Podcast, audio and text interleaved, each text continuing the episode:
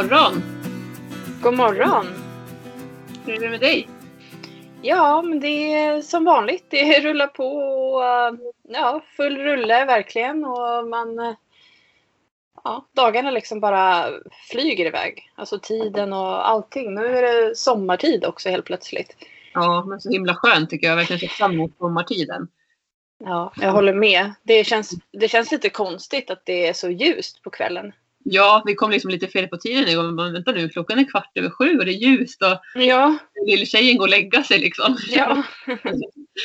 Eh, ja, nej men det verkligen, men jag tycker att det är jätteskönt. ja men jag håller med. Även om du och jag som sagt kan rida på dagtid så är det ändå skönt med ljuset på kvällarna liksom. Och jag har ju lite hästskötarkurser ofta på kvällstid och då, då är det ju jättebra att få ljuset på kvällen. Så då hinner man avsluta de lektionerna innan det blir mörkt. Det är jätteskönt tycker jag. Ja, jag håller med. Det, det ger ju mer möjligheter till att eh, vara ute och rida senare och att folk också vill vara ute längre. eller hur? Hur, hur är det med dig? Jo men det är bra. Ehm, men full fart som sagt. Precis som för dig också liksom. Det är, veckorna rullar ju bara på. Ja, det är slutet på mars liksom. Mm. Eh, vi har haft lite födelsedagar här, både jag och, och våran mellerstas, våran son då, eh, William har fyllt sex år här i helgen och så. Eh, men vi har inte haft något kalas eller sådär så vi ska försöka träffa lite familj och sådär i påsk utomhus och så. Eh, så den här veckan då. Barnen har påsklov den här veckan som är nu. Okej. Eh, de är hemma här, har precis vaknat och sitter och äter frukost där inne nu. Vad härligt. Det känns ju som att det nyss var lov, sportlov. Ja, men verkligen. Det är inte så mycket lov så här på våren. Och det är ju det som är, som är skönt. Jag tycker de, men barnen behöver ju det efter en lång vinter, liksom mörkret och allting. Och Mm. det är skönt för dem. Sen kommer sommarlovet helt plötsligt. Ja, det är inte långt kvar till det heller. Nej. Jag ska ha dagridläger här nu i tre dagar den här veckan på påsklovet. Så att Ja, eh, har bokningar här på det då. Så det ska bli roligt då. Och nu skulle det väl kanske komma lite regn idag, men det verkar inte vara så mycket. De har minskat på regnet och sen ska det vara bra resten av veckan. Ja vi hade lite regnskurar igår här och det var faktiskt Ja. väldigt kallt så där i vinden. Det var inte alls vårvindar utan det kändes mer som vinter.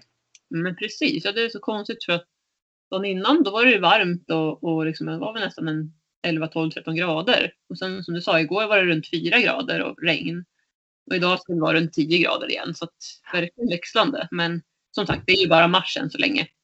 Ja, det är typiskt vårväder här. Man, man tror liksom att nu har våren kommit och sen så får man ett bakslag eller två. Ja. Eller hur? Jag har i alla fall tagit bort broddarna från hästarna nu så att de, de har inga broddar och det är väl ganska skönt. Jag vet att jag tror att jag nämnde det tidigare också i podden. Eh, att jag var ju lite nervös för att brodda Abbe första gången liksom för att man är rädd att man ska göra illa sig med broddar och sådär. Men peppar peppar så har ju det gått bra.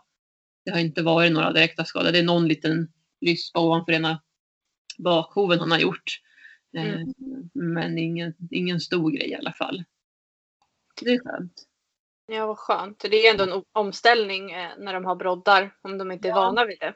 Men precis.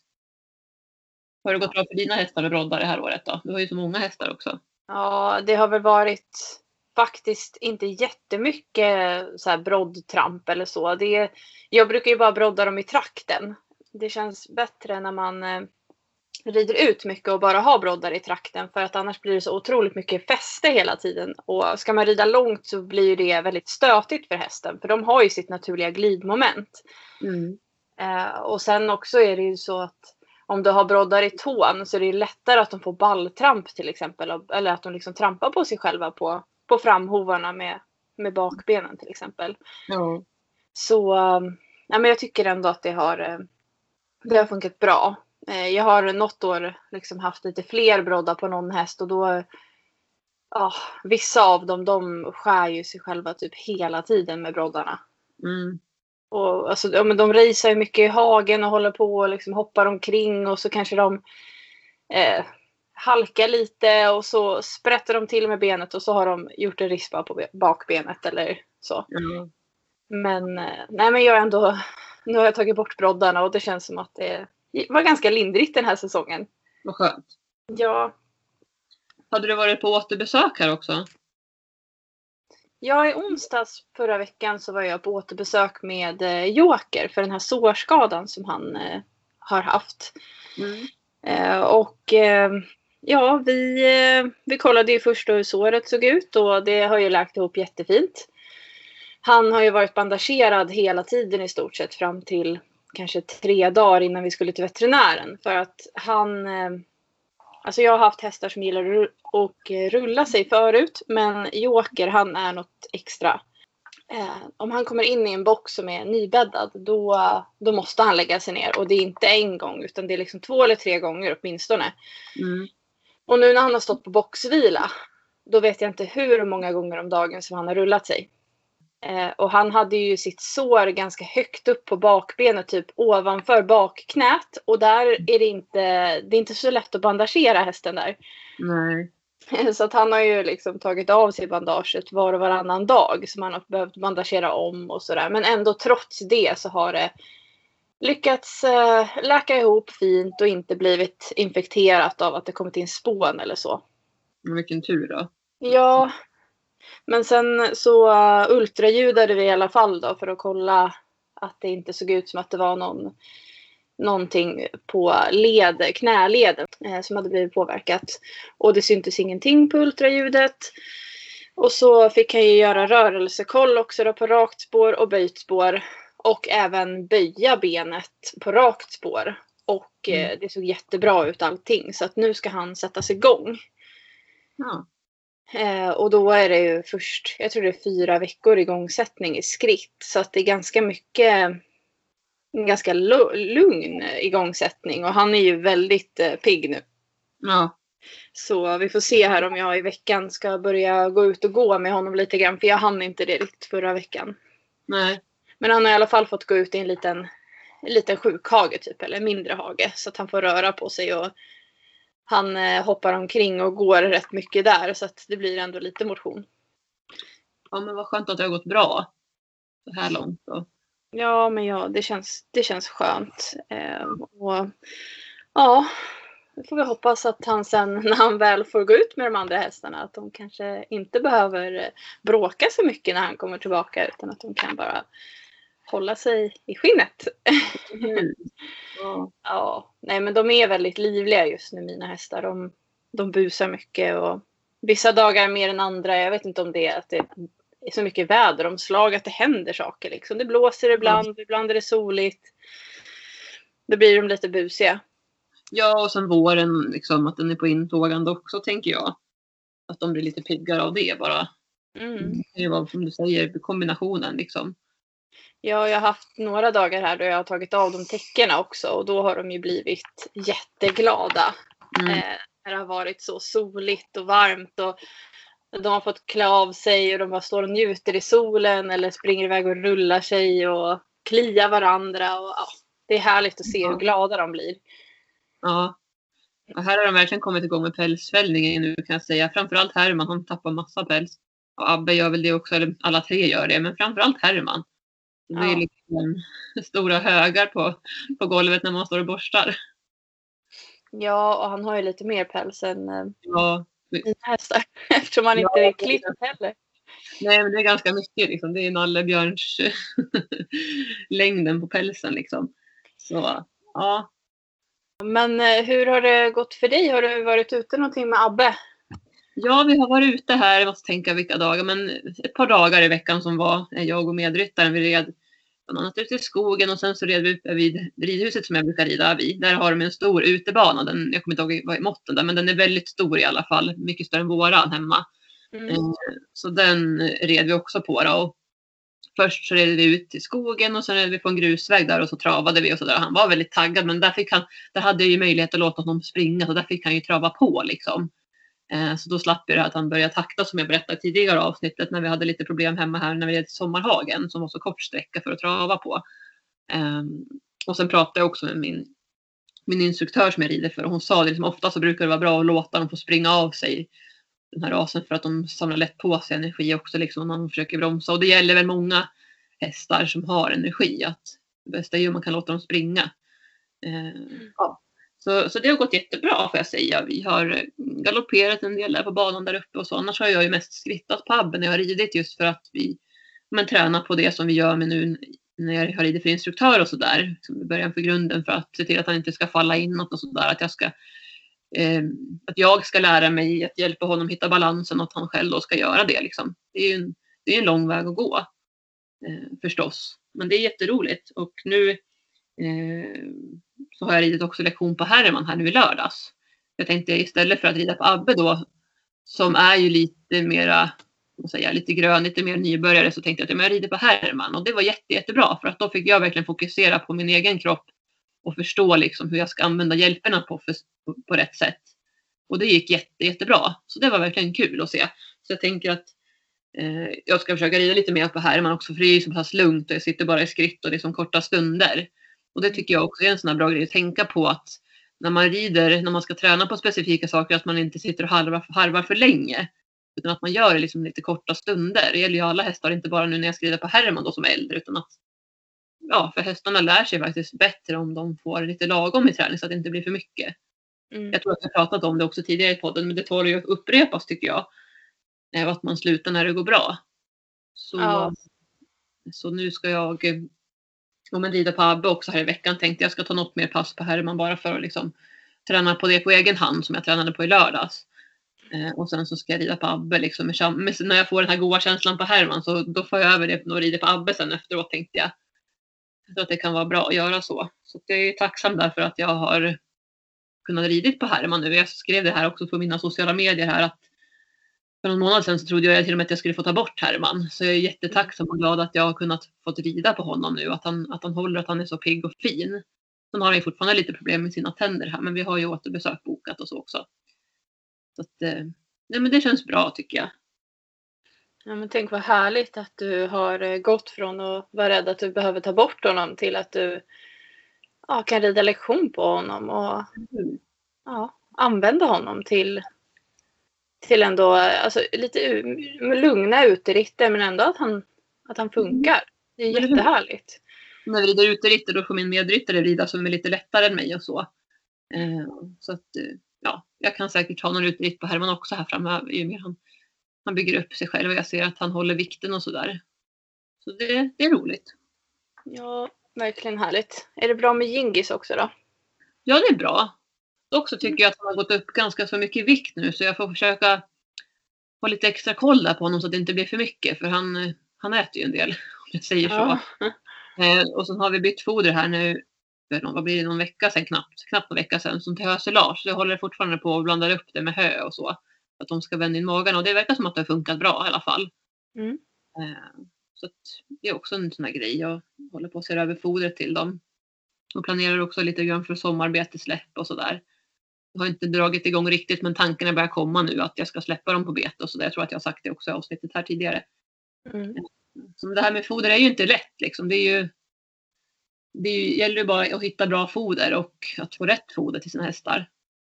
Jag har pratat här nu med leverantör här på telefonen ett par gånger och så och det känns som att jag har hittat en jättebra leverantör. Dock så är det en liten bit men då får jag höet eller höselaget hemtransporterat och det känns bra. Då behöver jag inte åka som jag har gjort tidigare. Då har jag ju lagt ganska mycket timmar på att åka och köpa foder varje månad. Nu kan man få det hemtransporterat. Även om det kostar en summa så kanske att det är värt det. Ja. För att man vet att man får bra grejer liksom. Och att man, för tid är ju också pengar. Man kan få det hemlevererat så är det jättebra. Ja, och sen är det också det med inplastat hö eller hösilage. Att man vill ju gärna eller jag vill gärna ha ett hösilage som inte är för blött till exempel utan man vill ändå mm. ha ganska hög torrsubstans. Mm. Eh, eller hög procent torr, torrsubstans eh, så att det inte blir för, eh, alltså, för blött så att det nästan blir som ensilage. Mm. Och sen eh, också att det inte är så korta strån. Mm. Det är ju det är också en stor skillnad ofta mellan hösilage och hö till exempel. Att hö har längre strån så att de får tugga mera. Och det vill man ju att de ska göra. Ja.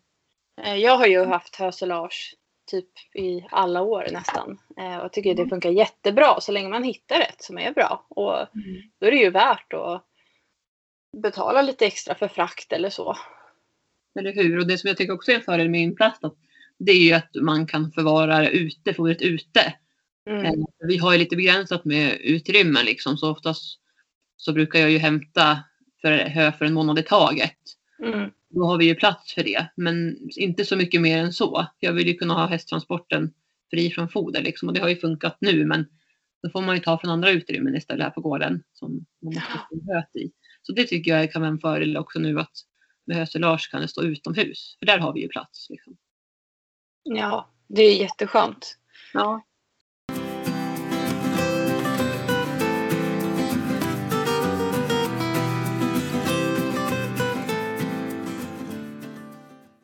Vi har pratat lite grann om också det här nu i coronatider. Nu har det liksom pågått över ett år med corona och det är ju mycket saker som man saknar, eller hur? Ja, jag fick faktiskt upp ett minne häromdagen på eh, Instagram att jag hade publicerat, ja, kan det ha varit knappt en vecka sedan så hade jag lagt ut för, ja, för ett år sedan att eh, tävlingarna hade blivit inställda och jag hade Mm. tappat motivationen och var jätteupprörd över det. Eh, för jag tror inte jag hade fattat riktigt allvaret heller för det hade inte, alltså i Sverige hade det inte brakat loss totalt då. Nej, jag tror att det är många. Du är nog inte ensam. Alltså det var Nej. och bara jag tänkte första, när man såg liksom första fallet där, när det rapporterades, det var väl i januari va? Någonting. Mm. Eh, så var man, aha, i Kina, ja men klart att, att rädslan slog att tänk om det kommer hit. Men så tänkte man Mm. nej, det är så långt bort och det, det är nog ingen fara liksom. Så. Lite så tänkte jag de första där i alla fall. Och jag tror i alla fall att det var många som tänkte samma. Men samtidigt att man hade rädslan men att man tänkte nej men det är nog dumt. Och sen som du säger helt plötsligt sen så bara blev det en jättestor nyhet över hela världen. Ja, och jag kommer ihåg att jag också någonstans där eh, i mars-april la upp en eh, fråga på, på min story på Instagram. Eh, och jag har ganska många följare från olika länder och så också. Att jag frågade typ hur, hur ser situationen ut för er? Eh, och jag kommer ihåg att det var jättemånga som skrev att alltså de hade så hårda restriktioner i sina länder fast de knappt hade haft några fall. Och det var liksom nästan lockdown i typ ja, men i, i eh, flera av länderna i Europa. Jag kommer ihåg någon i Italien som inte ens fick åka till sin häst för att de fick inte åka över olika ortsgränser och så. Och man tänkte bara, men gud, vad är det här? Vi, vi, vad hårt det är i deras länder. Vad vi, vi har det mycket lugnare liksom. Mm. Men sen så här efterhand så kan man kanske se att de kanske fick bättre stopp på smittspridningen i viss mån än vad vi fick som hade mera öppet i vårt land länge. Ja, sen, ja, sen vet man ju inte vad som är det bästa i längden kanske. Men eh, Nej. ja. Nej, alltså det är klart att det är så, svårt läge. Men i Sverige har vi ju liksom, det är ett väldigt fritt land på många sätt. Men jag kan ju känna någonstans också att lite för fritt ibland, om jag får säga det. Alltså Mm. Jag tror att vi skulle behöva strama åt reglerna lite grann och ja, alltså det är ju det är ju inte lätt att göra det liksom. För vi svenskar är väl vana att att vara ganska fria.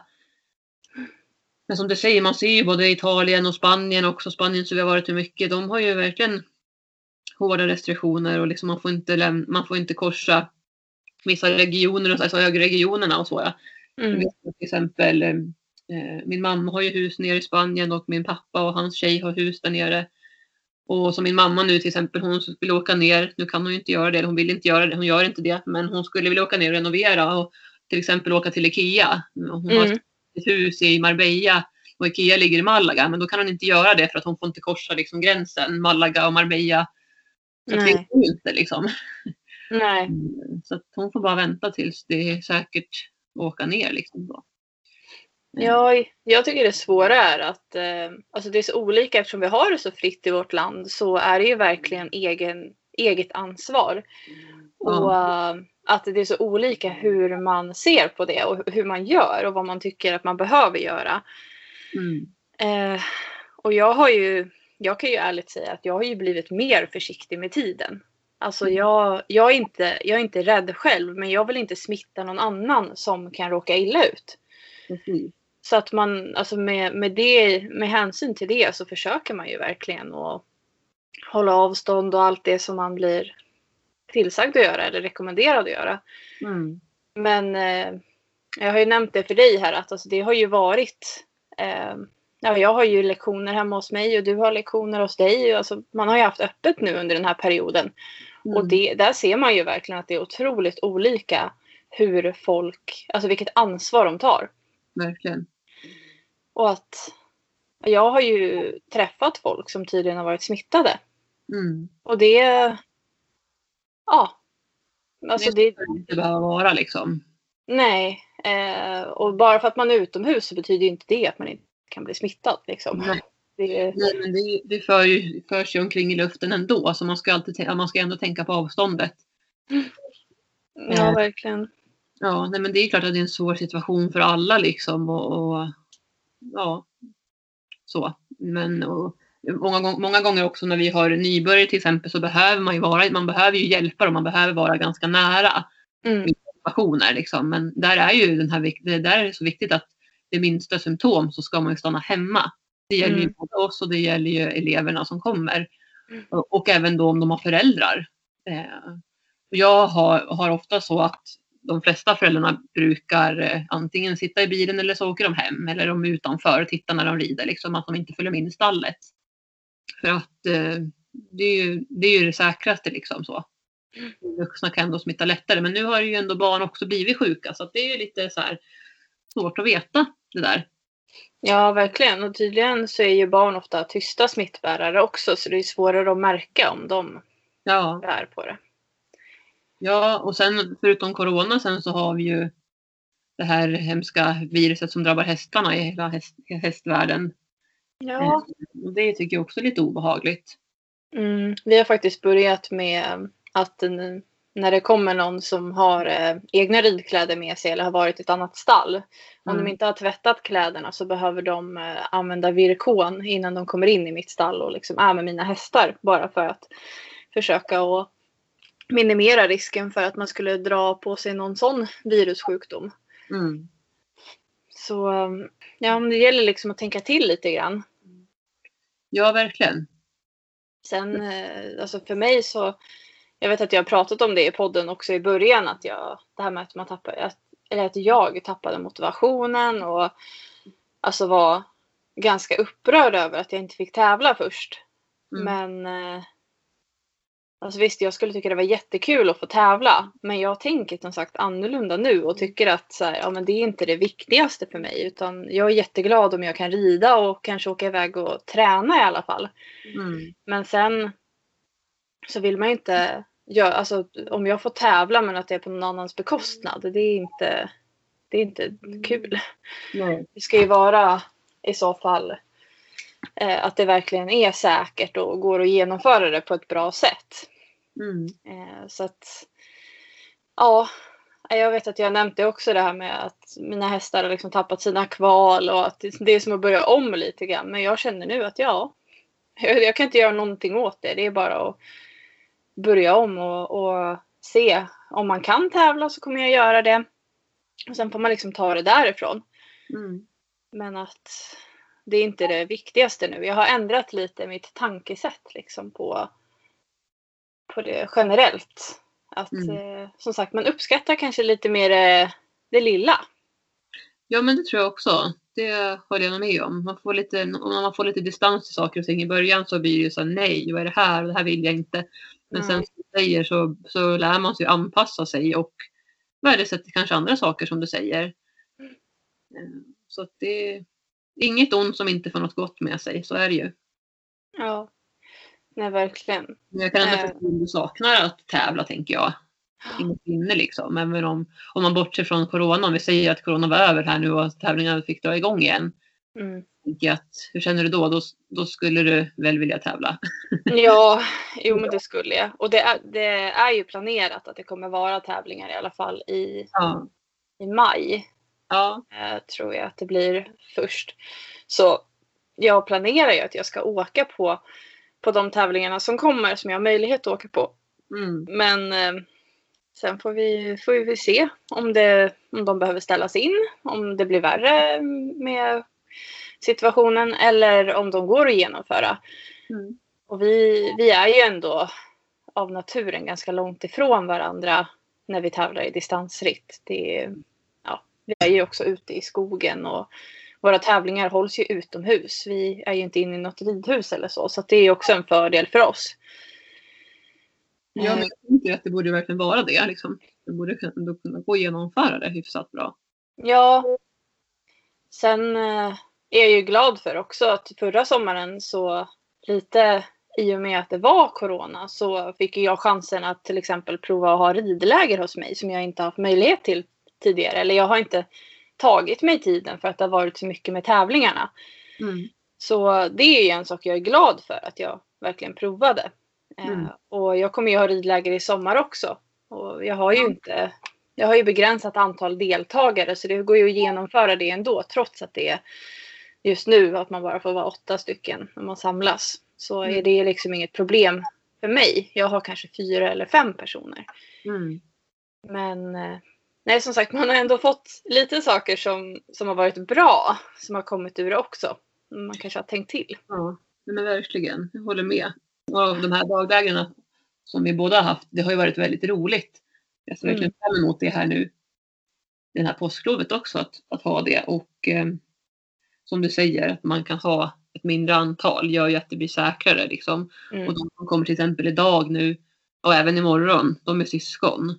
Mm. Att de är, som, det är samma familj. Och det känns ju tryggt också tycker jag.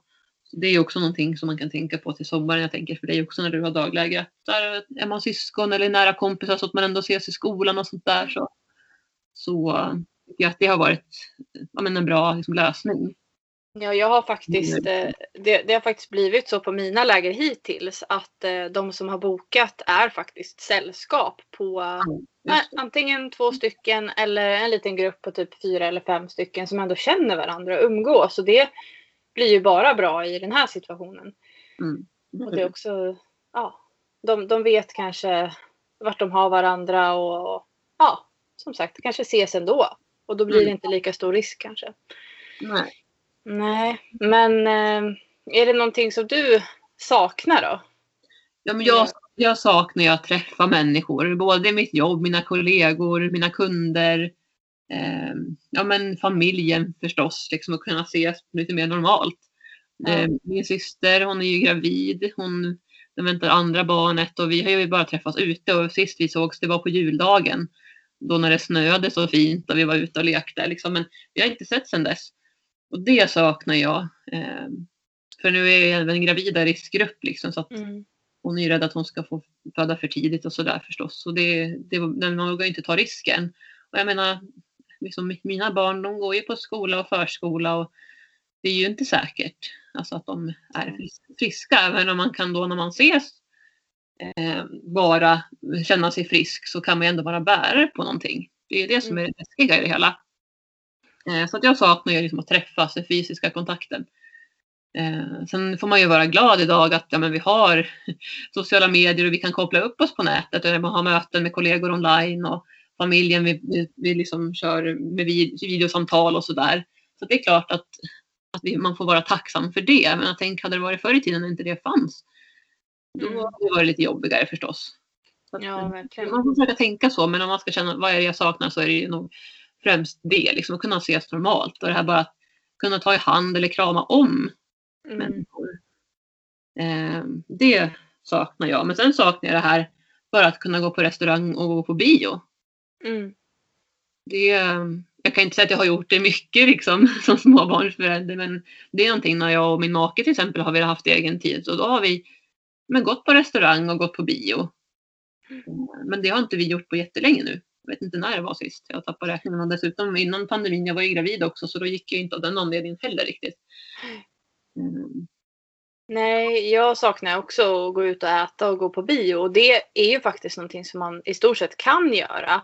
Men jag har ändå valt att avstå ifrån det för att ja, men man, för att min, minimera risken för att man träffar massa människor och så. Ja. Eh, och ändå, som sagt, jag försöker liksom att ta något form av ansvar. Och jag träffar ju människor hemma och jag träffar människor på mitt jobb. Så då tänker jag att jag okej, om jag gör det så kanske jag åtminstone kan försöka och jag köper hem mat istället om jag vill äta ifrån en restaurang eller så. Mm. Så att jag inte behöver sitta där bland andra Ja. människor och så. Ja, för det är klart att det är en svår balansgång. Man vill ju samtidigt gynna restaurangägare och allting sånt där. Och då är det som du säger bra att kunna köpa hem mat. Vi har också gjort det några gånger. Jag kan inte säga att vi har gjort det mycket, men några gånger i alla fall. Mm. Eh, för det som du säger, det är ändå, även om det ska vara säkert och de verkligen tänker till på restauranger så finns det ju ändå en risk liksom. Mm. Eh, och sen det här med att gå på biografer och sådär. Jag vet inte ens om de har öppet nu, men jag vet att de hade stängt ett tag i alla fall. Vi brukar ju åka till, eh, till Gränby centrum i Uppsala. Mm. Där har vi varit lite grann tidigare och så. Eh, Jag vet inte hur de har det nu med öppettider, men det känns inte riktigt säkert för då går man in på ett stort köpcentrum och så. Där har jag inte varit, ja, så det kanske är snart ett år sedan. Det är helt Mm. galet. Ja. Jag har typ inte varit i butiker överhuvudtaget och det kan jag också sakna. Bara gå och handla kläder och sådär. Mm. Ja, eh, jag saknar ju verkligen att eh, åka till badhuset. Just det, det gjorde Ja. du mycket tidigare ju. Jag åkte ju varje fredag morgon och simmade. Ja. Eh, och det slutade jag med, det var någon gång ganska tidigt eh, när corona kom. För då kände jag att det inte kändes bra att vara i eh, omklädningsrum och sådär. Och jag simmade ju alltså typ på pensionärstiden. Så det var ju nästan bara 70-plussare där och jag. Mm. Eh, och de är ju i riskgrupp.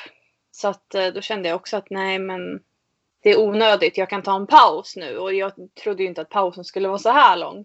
Nej. Eh, Men det kan jag verkligen sakna. Och badhuset är ju stängt här i, i den närmsta orten. Mm. Så att eh, ja, ja, jag hoppas att de kommer kunna öppna upp igen någon gång när det börjar lugna ner sig. För eh, det var en väldigt härlig rutin som jag ändå hade fått och nu har jag ju tappat den. Så att jag hoppas att jag kommer kunna hitta tillbaka till den. Mm. Eh, och det är som någon sa till mig för ett tag sedan att ja men eh, badhuset, det finns ju öppet badhus eh, i den här orten istället. Och så här, ja, fast dels så vill jag kanske inte åka dit för att det, det tar ett tag att köra. Och sen också att ja, men då träffar jag människor som jag verkligen inte känner också. Mm. Eh, och jag har ju haft, eller jag har ju personer i riskgrupp i min närhet och det är ju verkligen med hänsyn till dem som jag inte vill eh, träffa för mycket människor. Mm. Så Ja. ja. Jag tror att du saknar det. Eh, Jag har ju kommit in, jag tror, att- jag tror att jag har sagt det, att jag har tränat och sådär. Mm. Eh, Men det är hemmaträning. Ja. Men jag kan tänka mig att det är jättemånga som saknar att gå på gym. Och jag kan tänka mig att en del gör ändå. Liksom. Mm. Eh, Men eh, som du säger med respekt för omgivningen och allting så, så är det ju bra att välja vad man gör. Så jag har valt att träna hemma. Eh, Mm. Och tack och lov kommit in i bra vanor. Jag försöker träna precis som du också gjorde tidigare på morgonen. För att då, då vet jag att det blir av liksom. Mm. Det är så lätt att, att dag, dagen rullar på. Man tänker att man ska göra det sen. Men det där sen, det finns inte riktigt tid för. Utan det är något Nej. som kommer emellan som man måste prioritera. Så mor- Mm. morgonträning tycker jag det är verkligen bra grejer alltså. Ja.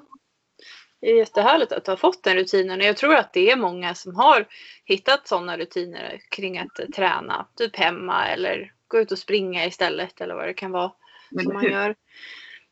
Eh, Men eh, det är så effektivt också tänker jag att göra så.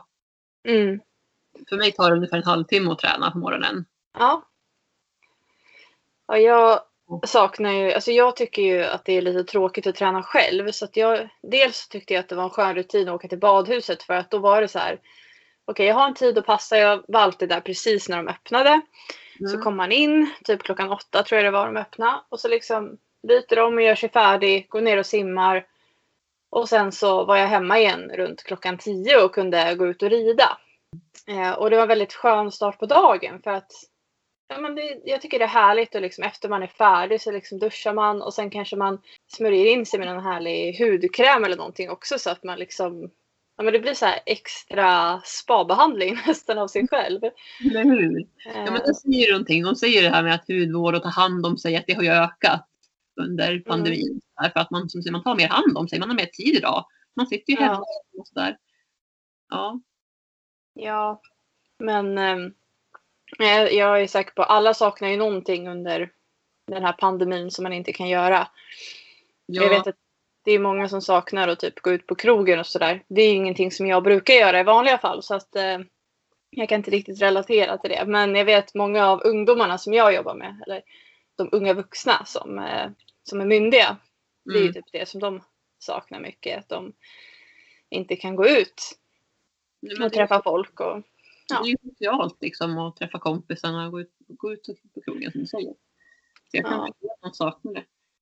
Ja, det finns ju mycket att sakna. Eh, ja, Men eh, jag tycker i alla fall det positiva nu det är att vi lämnar vintern och mörkret bakom oss. Även om jag gillar vintern och snö och sådär så känns det skönt nu med lite grönska och värme och, och ljus.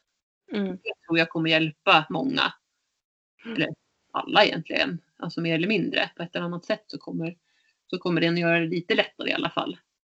ja, jag hoppas att det kommer att um, bli lite mer värme nu och eh, inte så jättemycket bakslag. För jag, vi har ju ett stort eh, partytält som vi brukar ställa upp på med ett långbord under. Och jag hoppas att vi snart kan ställa upp det för då eh, gör ju det att det blir lättare att ses och umgås utomhus och kanske äta någonting eller fika eller så. Mm.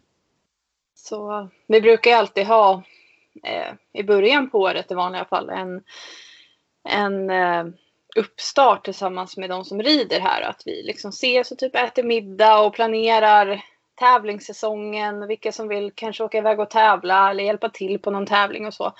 Men det har ju inte blivit av. Eh, I och med de här omständigheterna och att det inte har funnits några tävlingar heller. Mm. Men eh, jag har ändå en förhoppning om att man kanske kan ha något form av ja, men någon form av samling någon gång lite längre fram när man kan vara utomhus och att man kan hålla avstånd på ett bra sätt. Så det är någonting som jag faktiskt ser fram emot. Mm. Eh, och precis som du säger, det här med att man men att träffa folk. Eh, Ja. jag träffar ju, fo- ja, vi träffas ju i stallet när vi rider. Men det är ju på ett annat sätt och då håller vi ju också mer avstånd för man sitter på varsin häst mestadels av tiden. Mm. Så ja. Nej men det är alltså. Jag har ändå klarat mig bra i den här pandemin. Men det finns ju de som verkligen har mått dåligt av den. Och ja, det förstår jag ju verkligen. Att man känner sig isolerad och eh, instängd. Verkligen. Så vi får ändå hoppas att, eh, att kanske ni som lyssnar har eh, någon kontakt av med, eller någon kan ha kontakt med hästar eller stallmiljö eller någonting. För det är ju verkligen något som, som jag tycker hjälper mot allt. Mm. Det gör det verkligen. Det Mm. är ju så mycket tillbaka liksom.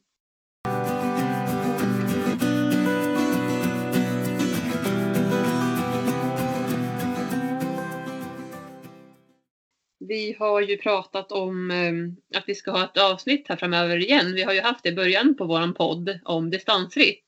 Mm, precis. Nu vet jag att det är ett populärt ämne och att säkert många har frågor och sådär. Eller hur?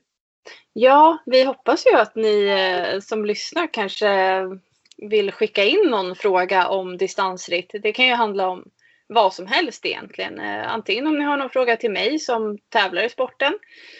Eller någon fråga om distansritt generellt eller hur man gör när man ska börja tävla. Ja, vad som helst. Ehm, så får ni jättegärna höra av er med era frågor till eh, våra sociala medier.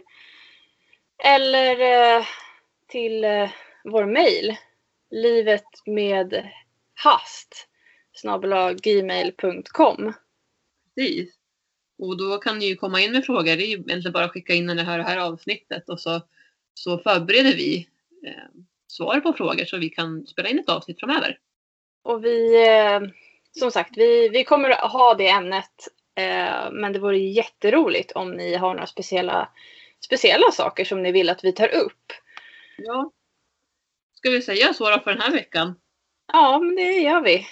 Så får alla ha en fin påsk då. Ja, just det. Ja, det här avsnittet kommer väl ut på långfredagen va? Precis, det stämmer. Ja.